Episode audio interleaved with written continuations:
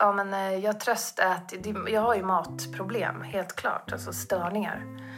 Jag, jag tröstar mig, jag belönar mig, jag unnar mig. Jag liksom, det var kanske samma sak. Men, ja, ehm, och, och nu är ju liksom en chokladbit knark helt klart för mig. Alltså.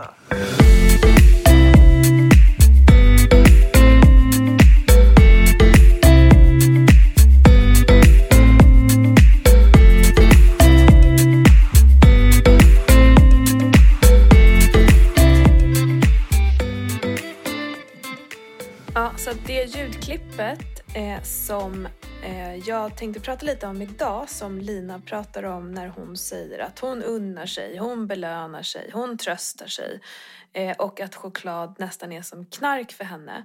Det är ju någonting som man kallar för så emotionellt ätande eller känslomässigt ätbeteende. Eh, man äter kopplat till känslor. Och det finns ju såklart många olika känslor att äta till. De kan vi nog rada upp eh, en hel del och vissa känner igen sig på några och andra på några helt andra. Eh, den vanligaste känslan som vi äter till är faktiskt tristess. Man är lite uttråkad.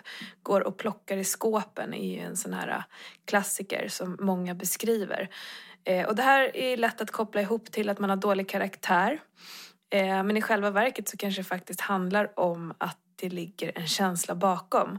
Andra känslor som kan vara är eh, oro, ledsen men också glad, eh, straff men också fira, belöning. Så det finns ju liksom både positiva och negativa spektra som eh, kan vara invanda mönster. Dels invanda som man har övat in själv Eh, men även liksom som man har fått hem, inövat hemifrån. Åh, nu har du varit så duktig, här får du. Eh, eller du är lite ledsen, sätt dig i soffan och ät det här. Och det är klart att desto längre man har övat på den här typen av beteende desto trögare är det att bli av med det.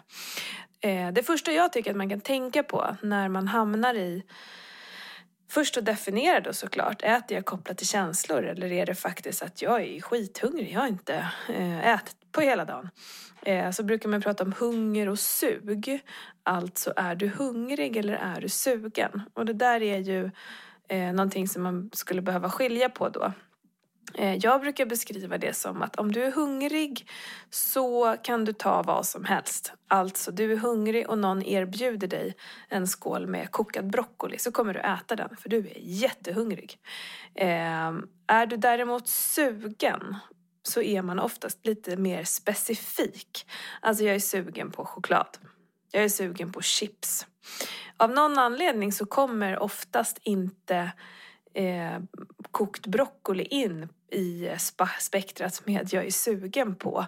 Eh, för att när vi är sugen på saker som är kopplat till någonting annat eh, som sitter i hjärnan eller liksom det kommer från, från andra krafter än själva magen och hunger så handlar det oftast om socker och fett eh, som vi liksom är sugna på. Och om man nu står där i kylen, kommit hem från jobbet och inser att så här, jag är sugen nu på choklad. Eh, ett steg i just stundens hetta i det läget är att backa.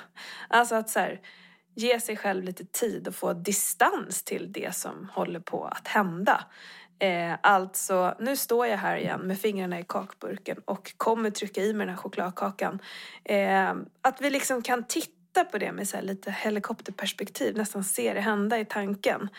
Eh, det som vi förmodligen också då kommer att se eh, om vi försöker visualisera den här händelsen är missnöjdheten efteråt.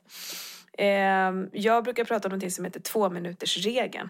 Alltså du ger dig själv två minuter i alla de här lägena tänker igenom situationen under två minuter. Jag tar den, jag tuggar den. Ni vet förmodligen hur det smakar, hur det känns och hur det känns efter. Och låt det gå två minuter. Eh, se vad som händer. Dämpas suget eller är det liksom ännu värre? Eh, oftast så är det faktiskt så att det dämpas. Så det här är ju så här, det är någon slags knep för att eh, motstå den här liksom situationen i stundens hetta. Sen har man ju då andra saker som till exempel om man äter kopplat till att man är ledsen, stressad. Eh, då finns det ju också någon slags orsak bakom känslan. Det finns det ju alltid. Eh, och är det här då en känsla som man har väldigt mycket mycket av som verkligen så påverkar en negativt eh, så kan det ju då finnas en hel del idé med att ta hand om själva orsaken. Varför känner jag så här varje dag klockan tre? Är det någonting som händer på min arbetsplats eller är det någonting annat och så vidare? Eller när jag är i de här situationerna fyra gånger i veckan så känner jag så här och det får mig att vilja äta skräp när jag kommer hem. Eh, så att man liksom börjar i rätt ända. Eh, och det där är väl lättare sagt än gjort i praktiken kanske. Eh, men här igen, det handlar om att här, testa. Testa hitta ditt sätt. Vad ska få dig att bli av med ditt negativa känslomässiga ätbeteende? Eller positiva, men att du, liksom, du är inte är nöjd med konsekvenserna du får av det här beteendet. Och sen när man pratar eh, dels om beteendeförändring men också det här så behöver uppsidan vara större. Eh, du behöver ju veta varför du ska avstå de här sakerna och vad du ska få ut av det. Eh, för annars så håller vi motivationen inte så länge om vi bara gör det för sakens skull för att kanske bevisa för någon annan eller du har hittat eh, någon utmaning någonstans. Det kan vara bra så här, startskott att komma igång med saker och olika sockerförbud och det som Lina nu liksom, vi hittade på två veckor utan socker just för att så här, bryta någonting. Eh, med det sagt så betyder inte det att vi ska aldrig äta socker. Socker är inte farligt om vi inte äter det i för stor mängd och mår dåligt av det. Eh, så att det, hur hur vill vi eller ni förhålla er till de här sakerna? Eh, den, den, andra maten som inte går in i liksom, protein och grönsaker och eh, pasta, ris och potatis. Alltså vanlig mat. Utan det här handlar ju oftast om eh, belöningsmat, eller vad man ska kalla det. Tomma kalorier. Det kan också handla om att man äter för stora portioner att det är ett sätt. Eh, vissa kan känna sig trygga av att vara väldigt, väldigt mätta. Eh, och där behöver man ju säga igen, titta på orsaken bakom känslan. Varför är du otrygg om du inte är proppmätt och så vidare. Eh, så. Eh, ja, så att för att koppla tillbaka det Lina säger där om att hon belönar sig och hon unnar sig och det är en enda liksom hej, hej baberiba med mat hela tiden som det hon använder som hon också kallar det för sin drog eller chokladen i det här fallet. Eh, vad finns där bakom och varför blir det så? Eh, och finns det något annat sätt att förhålla sig till det? Första steget är ju att förstå vad det handlar om.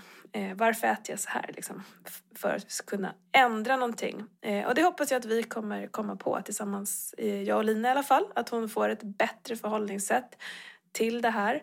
Eh, att hon blir nöjd och glad och hittar sitt lagom. Eh, så slipper vara missnöjd över varje glass hon äter. Hoppas att du fick med dig någonting av det här. Eh, att det är någonting som du kanske kan applicera, känner igen dig, eh, relaterar till. Så eh, fråga gärna om du har någonting specifikt kring kanske känslomässigt ätande. Eh, du kan skriva i Facebookgruppen så svarar jag gärna på dina frågor eller om man behöver tips eller jag tänker så här, vad kan jag åt det? Eh, vad ni än sitter på. Så tack för att du har lyssnat idag. Vi eh, hörs snart igen. Hej då!